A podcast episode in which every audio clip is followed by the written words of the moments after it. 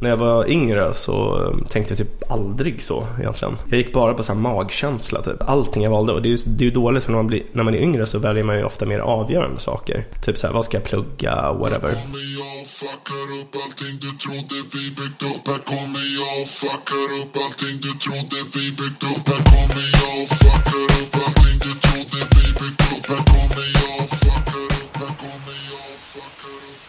Hej och välkomna till ännu ett härligt avsnitt av podcasten Om och Men där vi reder ut det ni tycker är krångligt och krånglar till det ni trodde redan var utrett. Med mig Vincent Flink Amlenäs. Med mig Beatrice Erkers. Nu kör vi igång eh, Beatrice Erkers. Ja, Eh, Vincent Flink. Amlenäs. Namnet som aldrig tar slut. Ja, men eh, vad har hänt sen sist då Bea? Ehm, vad har hänt sen sist? Jag, ehm, det är eh, på jobbet så eh, har vi fått en exekutiv assistent, jag och min eh, kollega. Mm. Eh, och det är, det är väldigt nytt än så länge. Men det känns väldigt spännande att ha en person som man kan be göra en massa saker. Som Ah, man inte själv vill göra. Är det typ en eh, exekutiv kollega, är det liksom en eufemism för en assistent eller? Ja, Ja, precis. jag fattar, okej. Eh, för jag tänker alla kollegor borde väl vara exekutiva om de vill behålla sitt jobb. Nej, eller ja, kanske, ja, precis.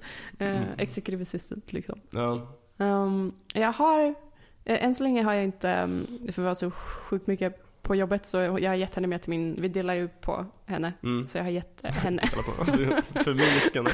Ja, jag har gett henne till min eh, andra kollega då, som också har henne. ja. Eh, så jag har inte fått så mycket hjälp av henne än så länge. Men jag har, du vet, jag har haft några så här grejer när man säger, okej jag har de här tio sakerna att göra idag. Och så bara, "Ja, just det. Jag kan ge de här tre sakerna till Till Mm, eh, exekutiv. Min exekutiv, exeku, exekutiva assistent. Vad, är hon amerikan? Eller det kanske är en han? Eh, eh, engelska. Eller britt Mhm. kanske man säger. English woman. En English lady. Ja. Yeah. Ehm, ja, nej, men så det ska bli spännande att se hur det utvecklar sig liksom. Ja. Att ha, vad hade du eh, bett din exekutiva assistent göra? Um, alltså vadå, på mitt jobb typ? Eller, alltså vi har ju massa sådana. De, eh, alltså, vi har ju sekreterare Ah, som eh, skriver ut diktat sådär. ja, Fixar allt administrativa. ja. Ehm, så jag hade väl bett dem göra det antar jag. Hade du, i ditt skrivande, hade du bett dem göra research och sånt för dig? Aha, um, alltså grejen är att jag skriver inte så mycket den typen av texter där man behöver göra mycket research.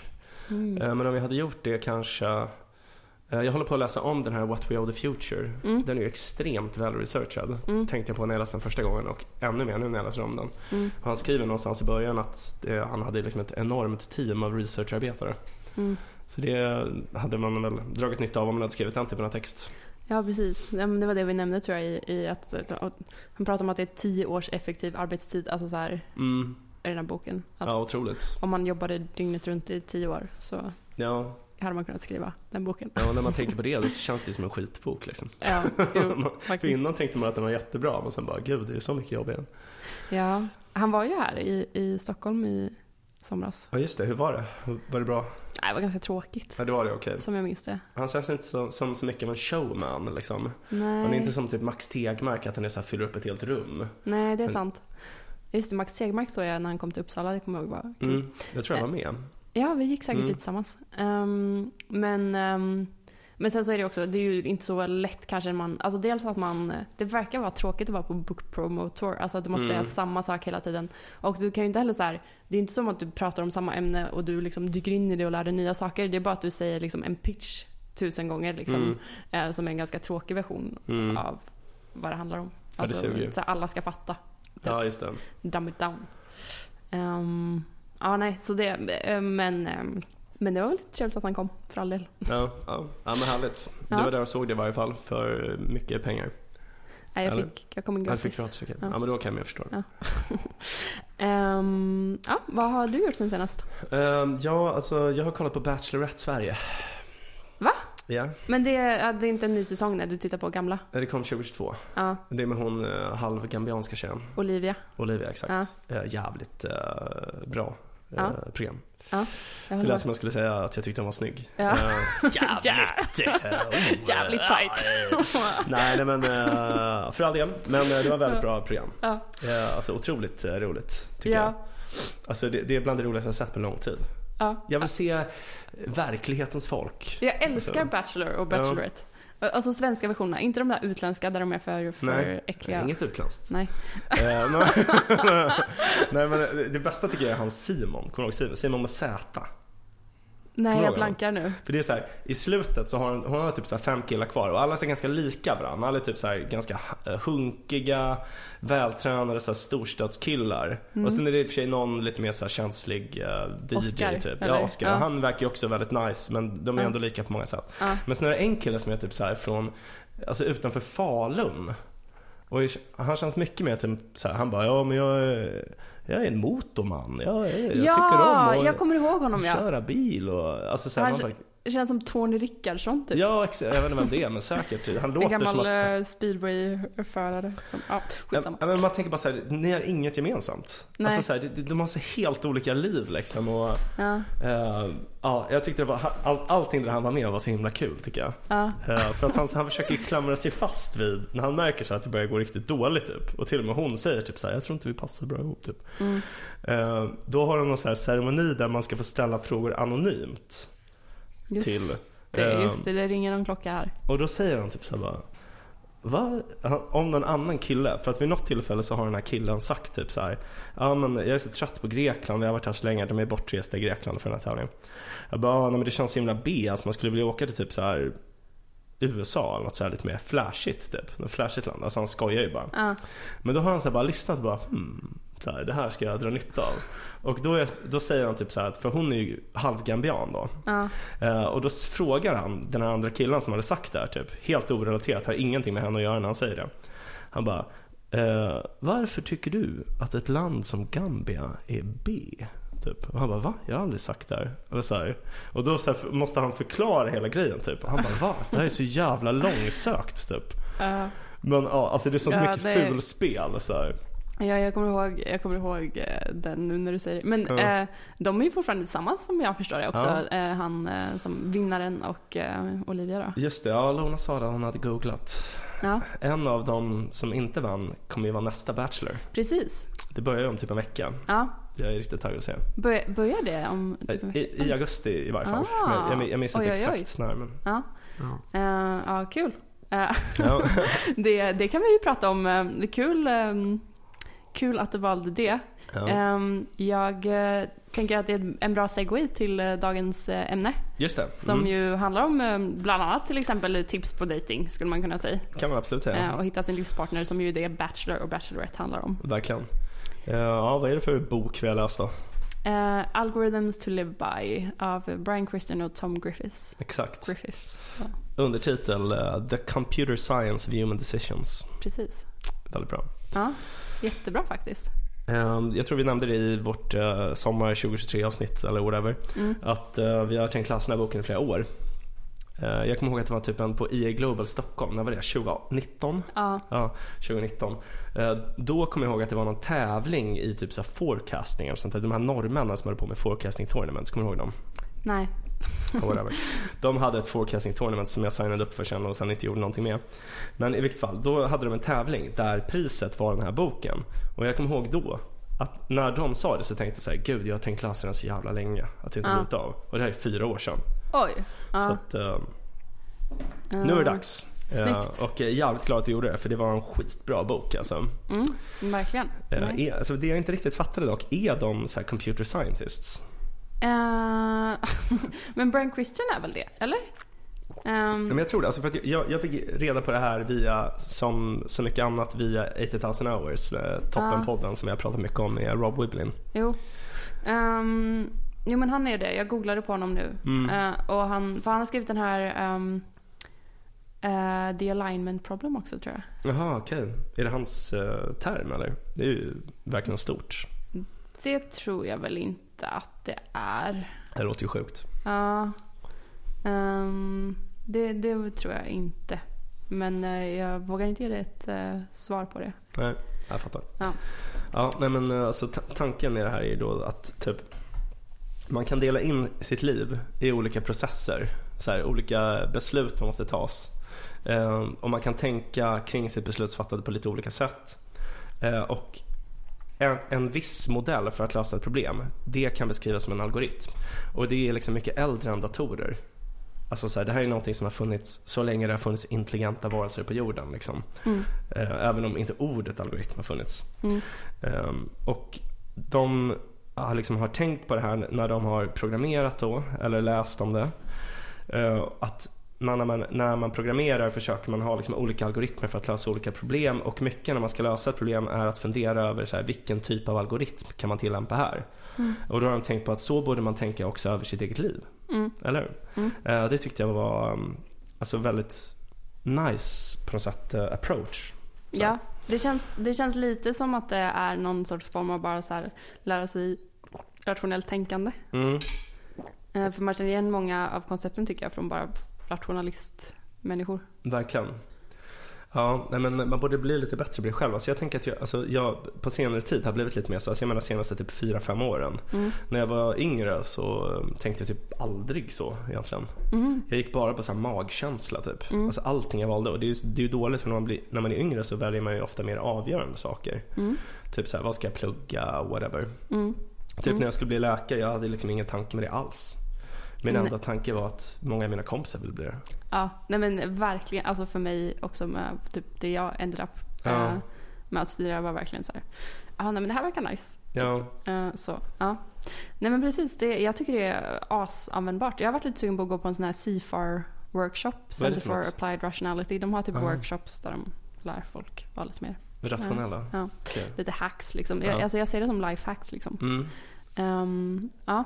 vill, vill du liksom dyka in i dina favoriter ehm, eller var ska vi börja? Ehm, Vi- ja, precis. Vi kan ju koppla an till Bachelor-grejen Ja. det första, tänker jag nästan. Som Ja. är liksom the secretary problem typ. Ja, just det. Precis. Det var ultimate stopping. Ja, precis. Eller optimal, optimal stopping. stopping. Ja.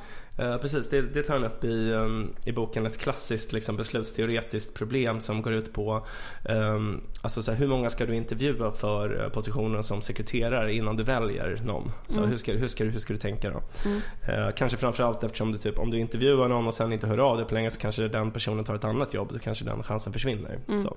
så man kan inte bara intervjua typ 200 stycken och sen ta den bästa Välja av dem. bästa. Nej, Nej. precis. Eh, nej, och, och då menar han att det finns eh, en siffra Mm. som är liksom, eller att det är 37 procent.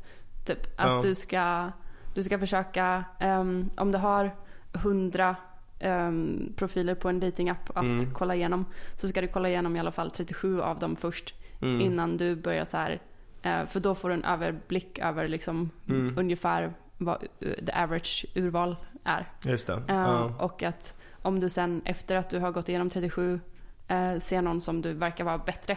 Då Mm. kanske den är värd att swipa höger på eller någonting. Ja, exakt. Ehm. exakt. Så det var lite kul tycker jag att det var en sån eh, specifik liksom Jo. eh, 37 procent. Och han, han, de menar på att det är bra på att applicera på till exempel dating Mm. ehm, om man är seriemonogam eller eh, om man letar efter att köpa hus eller någonting att man ska undersöka, typ gå på 37 procent av eh, husvisningarna eller någonting Ja. eh, innan man börjar um, commit liksom. Ja exakt, alltså, menar, det beror ju också lite på, alltså, det beror på andra saker. Alltså 37% var ju det han sa för just det problemet liksom. ja, precis, precis. Och, Mm. och det påpekar de ju också att det är, ehm, det tar ju inte så mycket hänsyn till andra faktorer. Mm. Han, han pratar om några som har försökt använda sig av det i, i liksom valet av partner till exempel. Mm. Men att man då kanske, man kan inte räkna med att om du till exempel dejtar någon, gör slut med den för att du tänker att du ska dejta fler. Mm. Eh, du kan inte räkna med att du ska få tillbaka den personen sen. Nej, Eh, exakt. Om, eh, även om du, om, om det var en del i din liksom, strategi Mm. att eh, jag ska prova några fler. Det är så Eh, nördigt att inte så här inse det, typ att man Ja, måste, det är något man måste lära sig den hårda vägen liksom. ja, precis. Ja. Eh, så det beror absolut på fler faktorer. Mm. Det, det kan vi eh, vara tydliga med. Ja, nej men precis. Alltså det är liksom att man ska modellera när det är optimalt att stoppa, inte leta mera. Typ. Precis. Ehm, och det, alltså det knyter ju an lite mycket till, ganska mycket till den som kommer som andra kapitlet där. Mm. Som är, jag, jag tror faktiskt vi har diskuterat det tidigare i den här podden. Men Mm. det är en trade-off mellan explore och exploit. Mm. Och alltså typ exploit, är- jag tror att de nämner i boken också, det är ju så någonting som har extremt negativ klang. Det låter ju som att man eh, utnyttjar någon. Mm. Eller så. Eh, typ begår övergrepp, så här, exploitation.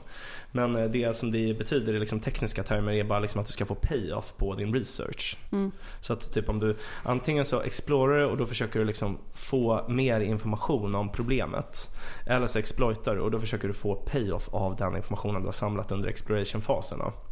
Och det här kan man liksom använda ehm, på massor av olika sätt. Alltså till exempel, eh, till exempel när du ska köpa ett hus. Eh, om du liksom vill lära dig mer om eh, hur marknaden ser ut, vad som är liksom en bra deal och sådär. Eller om du liksom vill börja investera. Eller typ ehm, Alltså typ hobbyer, att man, man har provat att göra massor av olika hobbyer och man har kommit fram till att ja, men av allting det jag har provat så är det roligaste att dyka. Så här. Men ska jag då ägna mig åt att dyka istället för att leta efter fler hobbyer? Eller ska jag försöka tänka så här, nej, men det finns kanske något som jag kommer tycka ännu mer om om jag bara försöker göra det. Mm. Ehm, så det är en sån trade-off som jag tycker är väldigt intressant och som jag också börjat typ tänka lite mer på på sistone. Mm. Så. Det är intressant. Vi har ju pratat lite om det, att jag har en tendens att explora lite mer och du har en Mm. tendens att exploita lite mer. Vad, är det någonting du har eh, uppdaterat ifrån den här boken i hur du agerar? Ehm. Kommer du på fler glassmaker? Hur kommer du göra? Ja men kanske, alltså, så här, för jag har känt överhuvudtaget senaste året att jag har börjat bli, liksom tilta över lite mer åt exploration. Mm. Alltså att jag vill liksom eh, Ja men prova mer saker för att jag, alltså grejen var att jag hade, jag hade någon grej, alltså typ när jag var i 20-årsåldern om att jag så här, att jag tänkte liksom allt i livet handlar bara om att bestämma sig. Och att jag hade alltså, otrolig respekt för människor med, med väldigt stor viljestyrka. Mm. Eh, och jag såg det ofta som ett tecken på svaghet att vilja prova olika saker. Mhm. Eh, Så att jag ville liksom säga, nu ska jag göra det här, det här är den saken jag gör, jag ska bara ha instoppade t-shirtar. Alltså så här, jag ska bara liksom, jag ska bara göra det här, det här, det här. Eh, Och så här, det, det spelar ingen roll om jag känner för att göra något annat och tänker bara, jag har redan bestämt mig. Mm. Så här, jag ska bara läsa klassiska romaner. Så här, du vet, Sådana saker liksom. Mm. Eh, Men nu har jag mer börjat tänka så här att, nej men, det där värdet av att vara väldigt bestämd var nog mindre än vad jag trodde egentligen. Ja. Alltså jag tror det. Vad var det du tänkte att du skulle få för värde av det? Nej men jag, alltså, i vissa, på vissa sätt så tror jag fortfarande att det är sant. Ja. I vissa delar av livet så tror jag att det, är, att det bara handlar om att bestämma sig. Ja. Till exempel när man hittar en partner. Det tror jag faktiskt egentligen att det är så. Ja. Alltså så här, de flesta människor eh, tror jag passar ganska bra med varandra. Så, så att om de bara typ eh, bestämmer sig och liksom Om båda bestämmer sig lika mycket då? Ja, båda kanske? måste bestämma Ja. sig. Ja, precis. Man bara bestämmer för att hålla dig inlåst här. Jag ska, nej, men, nej men allvarligt talat så, så här, Ja. måste, båda måste vara med på det. Men jag tror att om man gör det och båda är liksom helt med på så här, nej men nu är det vi resten av livet, så här, nu ska vi by- bygga våra liv tillsammans. Då tror jag att det blir ungefär så bra det kan bli. Ja, jag, jag tror, eller det, det, jag håller med om att båda måste bestämma sig Ja. eh, och att jag tror att det är en jättestor del i det. Men jag tror också att det, till exempel det kanske funkar bättre när man är yngre. Ja, för att man då bygger sina preferenser ihop. Mm. Medan när man är, träffar någon man är lite äldre så har man kanske ganska tydliga preferenser kring hur man eh, Mm. vill att ens liv ska utvecklas. Eller sådana grejer. Och, och också att det känns som att eh, timingfrågan kan vara svår. Till exempel barn känns som en sån grej där det är Ja. så här, eh, för en kvinna är det mer eh, tidsbegränsat liksom. Till Jo. exempel. Och såna, att det blir liksom yttre faktorer som är lite mer akuta och kan ställa till det. Men, eh, men ja, nej men jag håller, eh, håller med om... eh, Okej, ja men så du tror, du tror att det fortfarande finns starka fördelar? Alltså jag tror det? att det finns starka fördelar och jag tror att så jag tänkte då var typ så att alla som jag såg upp till de hade liksom valt en sak att göra, sen hade de bara gjort det hela sitt liv och blivit bäst på det typ. Mm, har du något Eh, exempel? Nej, men till exempel författare. Ja. Alltså typ eh, eh, som typ Dostojevskij som Mm. var liksom min stora idol när jag var 20. Mm. Eh, Han, allt han gjorde var att skriva. Han gjorde ingenting annat med sitt liv. Han Mm. bara skrev och skrev och skrev. Han satt inlåst i eh, sex år. Utöver det så, satt han, eh, så skrev han bara. Eh, Och när han var inlåst så tänkte han ju ut berättelser som han sen skulle skriva ner. Liksom. Mm. Så det var allt han levde för. Och då tänkte jag att jag ska göra samma sak. Bara bestämma mig för en grej, sen ska jag bara göra det. Liksom. Eh, I varje del av mitt liv. Men det jag inte tänkt på var typ så här att men allting i livet handlar inte om att mästerskap. Mm. Det, allting man gör handlar inte om att bemästra saker. Det kan också vara att man bara vill få ut njutning eller förströelse. Och då är inte det här rätt sätt att tänka egentligen. Mm. Utan då ska man mer titta runt och liksom, eh, så att jag har liksom mer lagt om så att man, eh, ja, sådär. Ja, För, försöker betrakta olika delar av livet som så olika som de faktiskt är. Typ. ja. Ehm, Ja. Nej, men, men det låter väl bra? För det, det låter lite som att du hade ett overfitting problem lite kanske? ja, lite, lite, Ja. lite. Ja, absolut. Eh, ja. Som är ett annat exempel han tar upp. Eh, ja, precis. Nej, men, ehm, Eller de tar upp. Ja, precis. Ska vi prata om overfitting också då? ja men Eh, kör. Alltså, det jag tyckte var väldigt intressant för att jag har aldrig talat om det innan.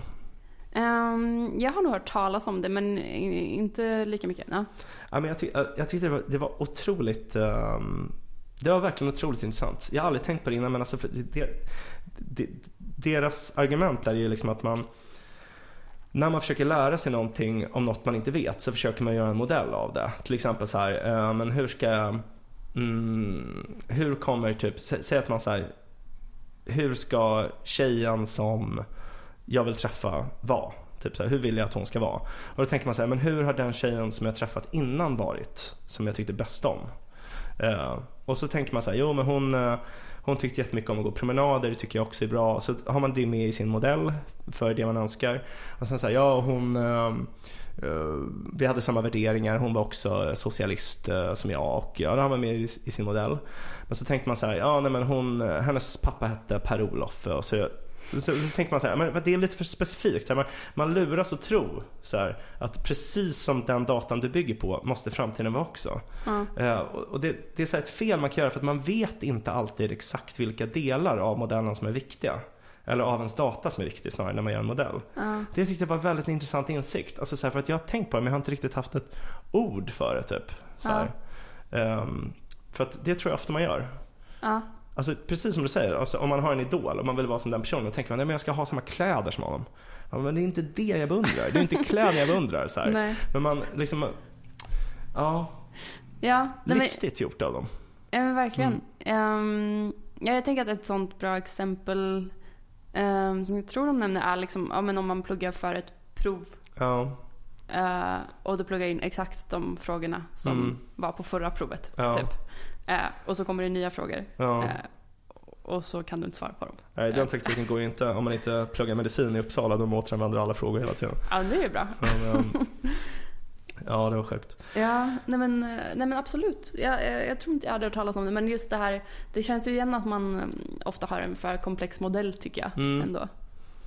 Ja precis, för, att, alltså, för det, deras poäng är väl mer typ så att ibland så kan det vara bra att inte ha i, med, veta mer. Ja. Så inte ha mer information i din modell. Ja. Det var väldigt smart. Men, men det tycker jag också, det hakar i lite en annan grej som de pratade om som var relaxation. Liksom. Ja just det, just det. Mm. Ehm, som var att ehm, ibland så är det bäst att bara eh, relax kriterierna. Mm. Typ. Att eh, inte försöka eh, få det så perfekt. Eh, så till exempel när det gäller väldigt komplexa problem att försöka ha en mer eh, avslappnad ehm, approach liksom. Mm. Så om du till exempel försöker eh, planera en, en resa ehm, så är det ehm, och du har liksom några alternativ som du egentligen tycker är lika bra. Mm. Alltså som typ verkar vara lika bra. Då kanske, är bra, då kanske du bara ska ta någon. Mm. eh, och inte, ehm, inte försöka spendera tre dagar på att researcha de olika Mm. för att sen välja och så. Då, eh, det, kanske, liksom, det är en sorts good enough Ja, eh, exakt. approach typ. Just eftersom att, alltså dels eftersom att informationen kan leda dig fel. Men också för att informationen kostar dig tid och Precis. ansträngning att få. Mm. Um, ja absolut, Nej, men det var också väldigt bra. Mm. Ja men det känns också som att man på senare år har blivit lite mer så good enough. Uh, eller åtminstone har jag blivit mer så. Ja, jag tycker det, det ska bli intressant. Ehm, du har ju inte börjat läsa den än men vi har pratat om att vi ska göra ett avsnitt om Tyler Cowens bok eh, The Complacent Class. Ja. Ehm, för jag har funderat lite på det här med good enough-grejer uh, senaste tiden. Ehm, för att jag funderar på liksom, vad är good enough i samhället, vad är good enough i mitt Mm. liv? Typ. Eller för det är lätt att hamna i en så här optimerings... eh, eller jag kan hamna i sådana optimeringsfällor typ. Ja, ja. ehm, Mm. Där man försöker optimera lite för mycket i livet Mm. och det blir typ stressigt. Lite som så här folk kan bli med sin hälsa typ. Att man så här, Mm. okej nu ska jag vara jättehälsosam, jag ska sova åtta timmar, eh, jag ska äta bara det här och jag ska Mm. ehm, träna så här mycket varje vecka. Och att det bara blir typ stressigt att ens få ihop det och då så Mm. blir det, ja, du fattar. Ehm, men den boken handlar ganska mycket om att eh, han tycker att vi har blivit för complacent typ. Ja, att ja, vi tycker att allting ja. är lite för good enough. Liksom, Ja just det. Ja. Ehm, ja, så det, det är ett ämne vi får dyka Jo. in i. Ehm, men jag, jag håller med om att jag nog ja, absolut på vissa sätt har blivit mer good enough. Men alltså, jag, jag har tänkt ändå på det typ, med den här podden. Mm. Alltså, så här, jag, alltså för typ så här, sju år sedan, jag hade aldrig kunnat ha det här för att jag hade varit för jobbig. Mm. Jag hade varit alldeles för perfektionistisk och tänkt typ så här, men vi kan om vi ska starta en podd då måste vi först gå någon utbildning i kommunikation. Typ. Alltså, så här, liksom, Ja. men jag hade inte alls det här mindsetet som man börjar få nu mer typ så här, vi prövar så ser vi hur det går. Typ. Det värsta som kan hända är att det inte går jättebra. Ja. Så här, det, förut var man mycket mer rädd för så här, tänk om jag gör något och det inte är perfekt. Typ. Ja. Man, det var som att man tänkte att det var en skam att inte vara bäst på något typ. Ja, men det, det känner jag Ja. igen. Eh, absolut. Och att man hellre gör liksom low cost tests nu för tiden. Ja, exakt. Än att man eh, försöker, ja, lite som du, bestämma Mm. sig för någonting och köra 10 000 procent på det. Ja, alltså just det här med utbildningar var någonting som jag verkligen trodde behövdes för allt. Mm. Typ så här, jag, jag kommer ihåg att jag brukade tänka så här typ, när jag träffade någon som var äldre än mig, jag bara, "Ah, du jobbar med det? Så bara, ah, vad, vad undrar vad den personen har pluggat typ? Ja. Jag förstod typ inte så här att man kan bara börja jobba med något. Man kan, bara, man kan lära sig när man jobbar. Det är så alla lär sig ett jobb. Alltså jag har ju lärt mig extremt mycket mer under de två åren jag jobbat som läkare än de liksom fem och ett halvt åren jag pluggade. Ja, men det är väl framförallt sant i vårt samhälle nu för tiden. Det känns som att det kanske inte, eller just det här med att det var så himla mycket mer um, ett kriterium för att ens få jobbet typ Mm. förut tänker jag. Men, och, och det är det väl för all del fortfarande för typ läkare. Jo absolut, det är ju, det är ju lag liksom på det. Ja. Men, ehm, men att det hade ju gått att göra annorlunda tror jag. Det hade ju gått att göra mycket bättre utan Ja. utbildningen. Ja, Alltså, mer effektivt liksom. Definitivt. Mm. Alltså, det hade räckt med, tror jag, kanske högst ett års utbildning och sen liksom med en lärlingstjänst. Typ. Gud vad spännande. Ja, Mm. det är education alltså. Är Ja men det är ju inte, alltså, så här, läsa medicin, nu byter vi ämne lite där, men det är ju så extremt tekniskt. Alltså, det är ju mer som en, yrkeshögskola borde det ju vara tycker jag. Det är ju inte som att läsa tunga teoretiska ämnen så liksom. Nej. Um, men, men. Ja, men det, det kan ju, ehm, man skulle ju kunna använda sig av lite mer randomness då, som är en annan grej som, Mm. ehm, alltså i val av utbildning, som de pratar om. Att, att ibland, ibland kan det vara bra att bara välja så här randomly.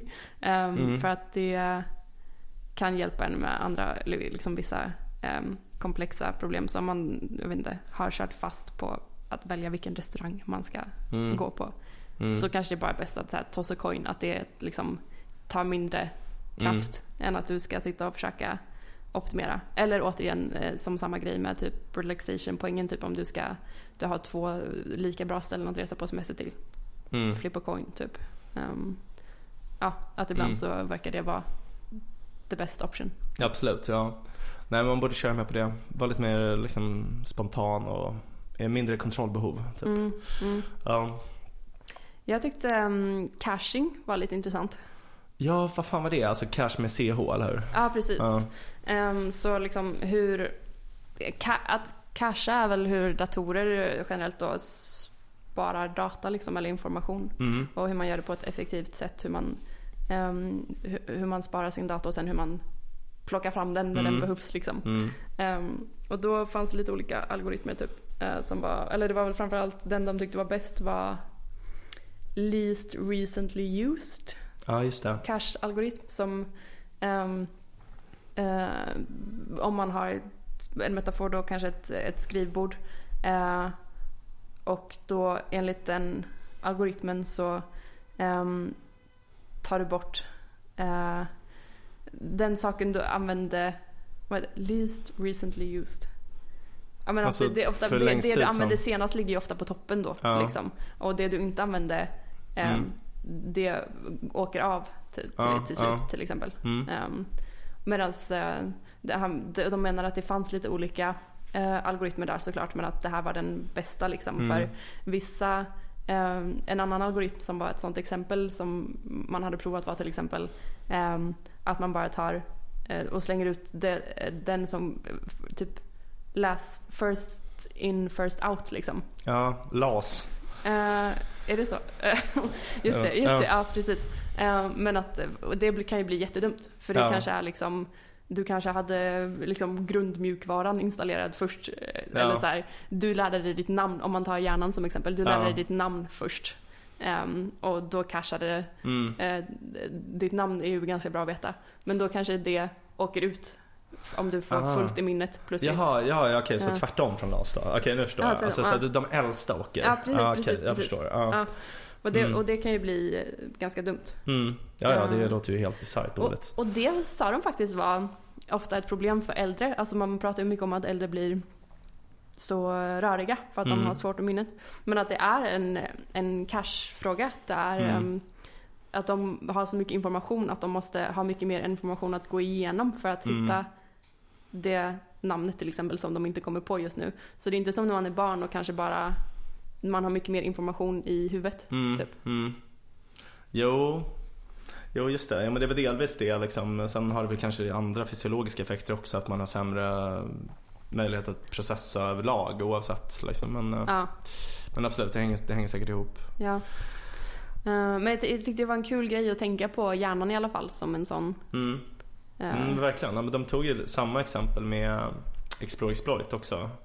Att, alltså så här, om man har lång tid kvar så är, är man mer mån om exploration. mm. Men om man har kort tid kvar så är man inte det. Så att Just det. gamla personer vill inte prova nya grejer i allmänhet. Ja men precis. Det är för att de vet att det är irrationellt. Ja. De har inte tid. Också att det känns som att sån, sån, om man har eh, en månad kvar att leva så känns det som att alla säger mer typ eh, jag ska vara med familjen och Ja, eh, exakt. äta god mat. Typ. Ja, exakt, inte, inte prova nya Nej, det glassmaker. är inte så mycket det stora kanske. Ja. Ja, undrar vad man skulle göra om man hade en månad kvar att leva. Fan vad obehagligt att tänka på. ja, nej, det, eh, det önskar vi oss inte. Nej. Ehm, Ja, hade du men- några mer favoriter då? Eller något från, typ, något från ditt eget liv kanske som du tänkte på när du läste dem? Um, alltså det är väl mycket som jag typ så här känner igen för att jag har folk som är, håller, tänker på sånt här i min närhet. Alltså som Mm. använder sig av sådana här begrepp väldigt mycket. Och som typ beige, Bayesian eh, approach eller vad man ska säga. Alltså, Mm. ehm, att man ska eh, uppdatera sina trospunkter eller sina Mm. beliefs utifrån ny information typ. Ja, just det. Ehm, Mm. Att ehm, om du, f- ja, ganska enkelt, om du får ny information till exempel så ska du uppdatera du får ny information om att det ska börja regna idag. Mm. Då tror du att det ska börja regna idag. Inte, Ja, inte tänka att ah, men det var ju soligt igår. Då borde Mm. det vara soligt idag också. Mm. Ehm, så det var ju... eh, eh, det är ett koncept jag har halvkunnat typ. Som jag Mm. nu känner att jag helt kan lite mer. Mm. Eh, ehm, men det känns också som att den, den är egentligen ganska komplex om man dyker djupare i, ner i den. Och det känns som att jag redan ändå har ganska mycket den approachen. Typ att jag skulle uppdatera mig eh, om jag får ny information. Mm. Men den, den går in lite i... ehm, vad var det vi pratade om det här med... ehm, ehm, det var någon bok vi läste innan... eh, När då? En bok om vad? vi pratade väl om forecasting ja. Var det? Ja, ja, precis. Superforecasters. Ja, Ja, ja, precis. Tetlock. Ja, precis. För där är det mycket Bayesian, alltså så här att de Mm. måste uppdatera ehm, och ganska, men liksom, de måste utgå ifrån liksom vad, vilken information har jag här? Mm. Eh, hur mycket tillskriver jag de här olika, eh, kredibilitet tillskriver de olika informationskällorna? Alltså hur mycket, eh, vad har jag för liksom priors när jag går Mm. in i det här? Alltså Mm. vad har jag för ehm, förutfattade meningar? Eller man ska säga, alltså vad har jag för Mm. grundtro i, kring, kring det här? Just det. Eh, Du pratar om Bayes-teorem då, för de som kanske inte vet. eh, Ja. om, eh, ehm, det precis. är en, ett sätt att statistiskt eh, förutsäga framtiden, eller sannolikheten om framtiden snarare kanske. Ehm, mm, annars tyckte jag också, mm, någonting som jag har tänkt lite på själv, för jag kan tycka så här mingel och sånt, att det är så här ganska jobbigt till exempel. De pratar ju om networking. Just det. Mm. Ehm, och att, um, alltså det var inte så mycket jag uh, tog med mig kanske, men att man pratar om eh, om man eh, eh, exponential back-off tror jag Mm. han kallar det. Typ Mm. att så här, ehm, eh, om, om någon eh, tackar nej till din inbjudan till exempel så ska du vänta eh, en längre tid innan du bjuder in dem igen till exempel. Ja, att man så här, ehm, olika former av eh, rejection, att eh, man ska inte, låta det, Mm. inte, inte fråga direkt igen och sådana grejer. Ja, men det är bra. Men så gör man väl typ instinktivt tänker jag, eller? Ja, jo men det, det tänker jag också verkligen. Ehm, Man hör ju inte av sig liksom tio gånger till samma person som bara dissar en gång på gång och bara ah men nu kanske du vill träffa mig typ. Nej, nej men verkligen. Ehm, men sen en annan som jag tyckte var intressant för att den kändes liksom applicerbar i mitt eget liv. Mm. eh, I jobbet framförallt var eh, det om scheduling. Mm. eh, som var liksom, då, då var det väl framförallt två algoritmer tror jag Mm. som de pratade om. Som var ehm, earliest due date Just det. som känns väldigt intuitiv. Alltså att man så här, om du väljer, om du har en att göra-lista, att du väljer det som står liksom, eh, som, som har deadline närmast i tiden. Mm. Att man gör det först liksom. Ehm, och eh, sen så var den andra var Moores algoritm typ. Och då var det att man skulle anpassa lite mer utifrån också hur lång tid ett task tar att göra. Mm. Ehm, så om man till exempel inte um, så man sorterar ut efter due date ehm, men att också tar hänsyn till hur lång tid ett task tar att göra. Så ehm, om man är en kock till exempel och ska laga en tre middags Mm. eller så en, en eh, middag eller någonting eh, så kanske det tar längre tid att laga vissa saker och man måste servera dem eh, vid olika tider. Eller Mm. man, de har olika serveringstider. Liksom. Då skulle man kunna använda Moores algoritm för att liksom, prioritera hur man ska liksom, Ja minimera att man serverar för mycket sena eller kalla Mm. maträtter eller vad man ska säga. Ehm, Precis, för alltså earliest due date, om man bara använder det, då skulle man ju inte få preppa desserten innan man är färdig med förrätten. precis, Det blir orimligt. precis. Ehm, så det tyckte jag ändå var, var intressant. Och som jag liksom möter varje dag tycker jag på jobbet hur jag ska, vad jag ska göra liksom, vad ska jag prioritera. Mm.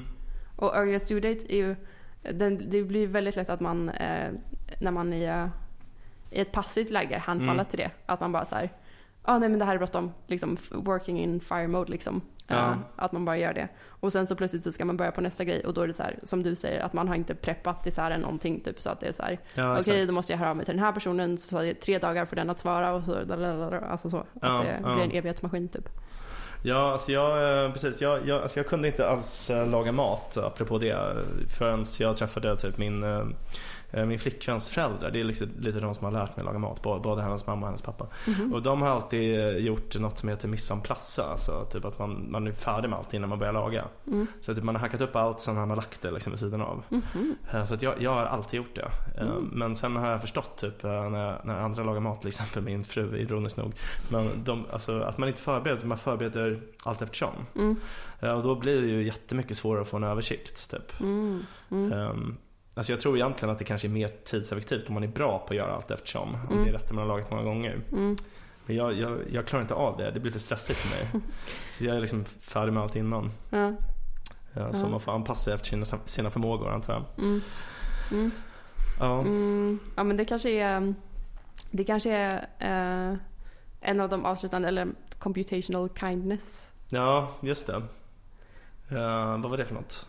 Eh, att, ehm, att man ska försöka vara, eh, eller jag vet inte hur mycket det relaterar till det du sa nu. Mm, inte ställa för höga här- krav eller? Eh, ja men precis, Ja. lite, eller att man ska göra sina intentioner tydliga så att det blir enklare för andra att processa informationen till Mm. exempel.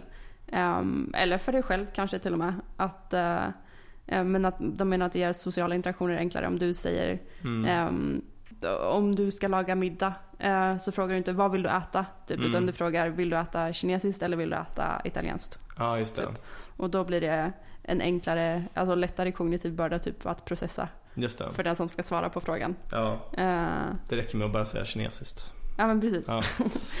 Så eh, just det, det har jag gjort sen senast. Käkat på Sibiriens sinokök. Ah, fan vad kul. Vad tyckte du? Eh, jag en favoritrestaurang? ja, Mm. jag tyckte det var jätte, jättegott. Jag tror jag hade tur för jag valde någon, jag valde någon så kalla nudlar med tofu. Ja, Och det var så gott. Alltså, var det cha jiang mian? det vet jag inte. Det är jättegott. Det är kalla nudlar med tofu. De har också Ja. dandan mian. Det är också väldigt gott. Ja, jag vet, Soja. jag vet inte då. Eh, okej. Men det var asgott i alla fall. Eh, mm, ja, nej, Ja, vi får gå dit tillsammans en gång. Mm. Eh, skitbra ställe, otroligt bra. Mm. Eh, men nej men alltså jag bara tänkte typ så här. Man borde liksom läsa mer den här typen av saker för att få som en verktygslåda. Precis. För att alltså vissa människor är mycket bättre på det. Jag har en kille på mitt jobb som vi har blivit ganska bra kompisar senaste året. Och han är mycket mer typ, så han är ganska så här, kvantitativt lagd och typ varje gång det är ett problem så, så här, börjar han alltid räkna på typ, så här, vad är bäst liksom. Mm. Eh, Men det är ganska svårt. Typ, att jag, kommer ihåg nu, jag pratade med dig innan vi började spela in här att, om att jag har funderat på att skaffa ett uh, kreditkort. Mm. Eh, och då är det typ så här. Jag funderar på att skaffa alltså, Amex Platinumkort. Som kostar, det kostar typ så här 650 kronor i månaden. Mm. Eh, men, men då får man får massor av fördelar. Man får alltså, framförallt typ så här, den bästa reseförsäkringen, typ hänga en massa lounger och så här. Men sen får man också typ gratis middagar. Typ så här fem gånger per år. Mm. Eh, och vissa är utomlands och så här. Och så, så börjar jag räkna typ så här snittpriset. Och då går man ju, om man utnyttjar allt så går man plus ganska stort. Typ. Alltså det är flera tusen man tjänar på det. Om man, om man tar alla de här middagarna för det är på fina ställen. Mm. Men så tänkte man liksom så här att men de här ställena, jag har ju inte ätit där än. Mm. Hade jag gjort det jag inte hade köpt där, så att så här, kan jag räkna med hela värdet eller är det liksom en, att det blir skewat eftersom det är de som väljer åt mig? Ja. Så det är, så här, det är svårare än vad man tror att göra modeller för ens beslutsfattande i Ja. ens liv. Liksom. Och det, det var liksom lite det jag tyckte om med den här boken, att den visade så här, att man kan tänka på lite olika sätt och så här, komma till olika slutsatser Mm. beroende på vilken modell man har. Har du landat i någonting då kring ditt Eh, ja, men jag har landat i att jag ska köpa något kreditkort. För att Du, det, du har landat i att jag ska skaffa i alla fall. Alltså du måste, du måste, för du reser så mycket. Ja. Man får ju poäng för resor framförallt. Um, men, eh, nej, men jag ska definitivt skaffa något men jag är inte säker på att jag ska skaffa just Amex Platinum-kort. Det är det dyraste liksom. Ja. Eh, men eh, Men ja. jag, jag tror, alltså grejen är, jag tror inte jag borde tillåtas kreditkort. Typ. Varför då? Det är mycket bättre med debitkort. Då spenderar jag inte mer än det jag har. Liksom. Men du betalar ju av det varje månad bara. Ja men det känns som att det är så här, det, fin- det är för mycket tillgängligt. Ja okej. Jag, sk- jag skulle kunna få något eh, ryck liksom. Och jag, jag tror inte det är bra. Alltså om du tror det då ska du ju verkligen inte skaffa det alltså. Nej. Men, eh, för det är ju så de tjänar pengar. Det är ju därför det är gynnsamt. Ja, men det är så jag har tänkt hittills i alla Ja. fall. Men jag tror i och för sig, om jag bara använder det till typ resor och lite Ja. så, så då kanske. Men fan, ja. alltså du beskriver dig själv som en oekonomisk, men jag har inte alls den bilden av dig. Är du liksom, har du svårt att hålla i pengar typ? Eller? Ehm, nej, inte när det gäller det mesta. Men jag har liksom som svarta små hål. Ja okej. Som är mina hobbys. Vad Eh, är, det typ hästar och sånt eller? Nej, eh, nej det hade ju varit du ett börjar svart köpa hål. så här tävlingsston och du bara- flera miljoner kronor liksom. För kreditkort. Ehm, nej, så illa är det inte. Det är mer så här typ. Ja men resor är väl ett svart hål. Ja. Typ att där försvinner mycket pengar. Men tänker du reser ditt jobb Ehm, ju. kläder Ja. uh, lägger jag mycket pengar på. Alltså det, Ah. det är sånt som jag tycker är kul att lägga pengar på typ. Ja. Eh, har jag eh, svårare att hålla liksom, jag, jag ty, tycker inte, det är svårt att hålla det lagom där Jag tycker jag. fattar.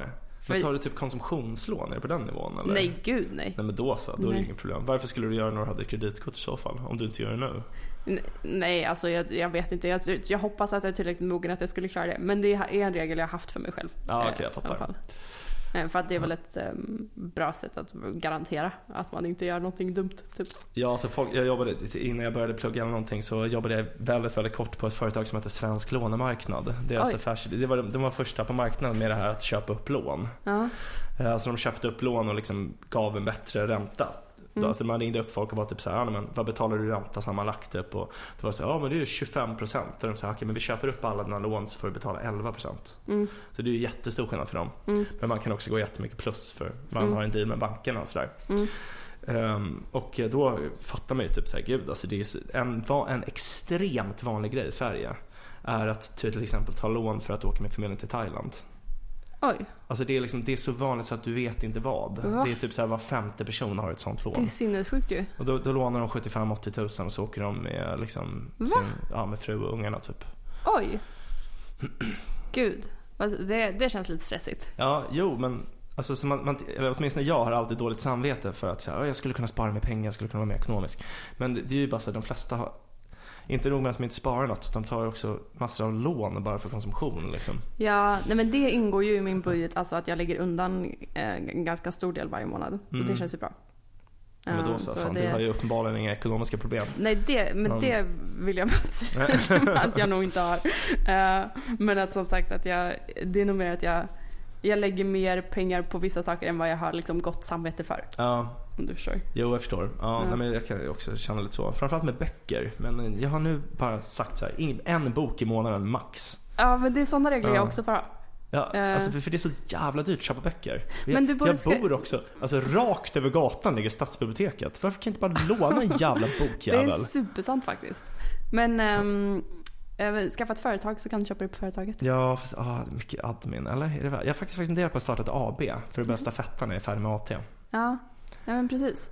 Ja. Ehm, ja, men vi kan prata om det. Ja, Ja. ja det är bra. Det, är det låter lovande. Ja, ja. Ja, nej men fan den här boken är skitbra. Vi har, vi har läst jävligt mycket bra böcker på sistone Bea. Det, Ja. Jag gillar det alltså. Det är, Verkligen. det är svinbra. Verkligen. Ska vi uh, kalla det ett avsnitt eller? Vi kallar det ett avsnitt. Ja, härligt. Men med de orden då, kära lyssnare, så får vi tacka så mycket för att ni har lyssnat på ännu ett eh, strålande litet avsnitt av podcasten Om och Men, där vi reder ut det ni tycker är krångligt och även passar på att krångla till det ni trodde redan var utrett. Nästa vecka kommer vi prata om någonting, Helt sjukt. yeah. Jag fuckar upp allting du trodde vi byggt upp. Här kommer jag och fuckar upp allting du trodde vi byggt upp. Här kommer jag och fuckar upp allting du trodde vi byggt upp. Här kommer jag och fuckar upp, här kommer jag och fuckar upp. Vi har en mejladress, omochmän gmail.com om och men gmail.com. Hör gärna av er om ni har några förslag på ämnen vi kan ta upp i podden eller om ni undrar något. Vi kommer att svara på alla mejl. Tack för att du har lyssnat. Vi hoppas att du vill lyssna även på nästa avsnitt som kommer på måndag.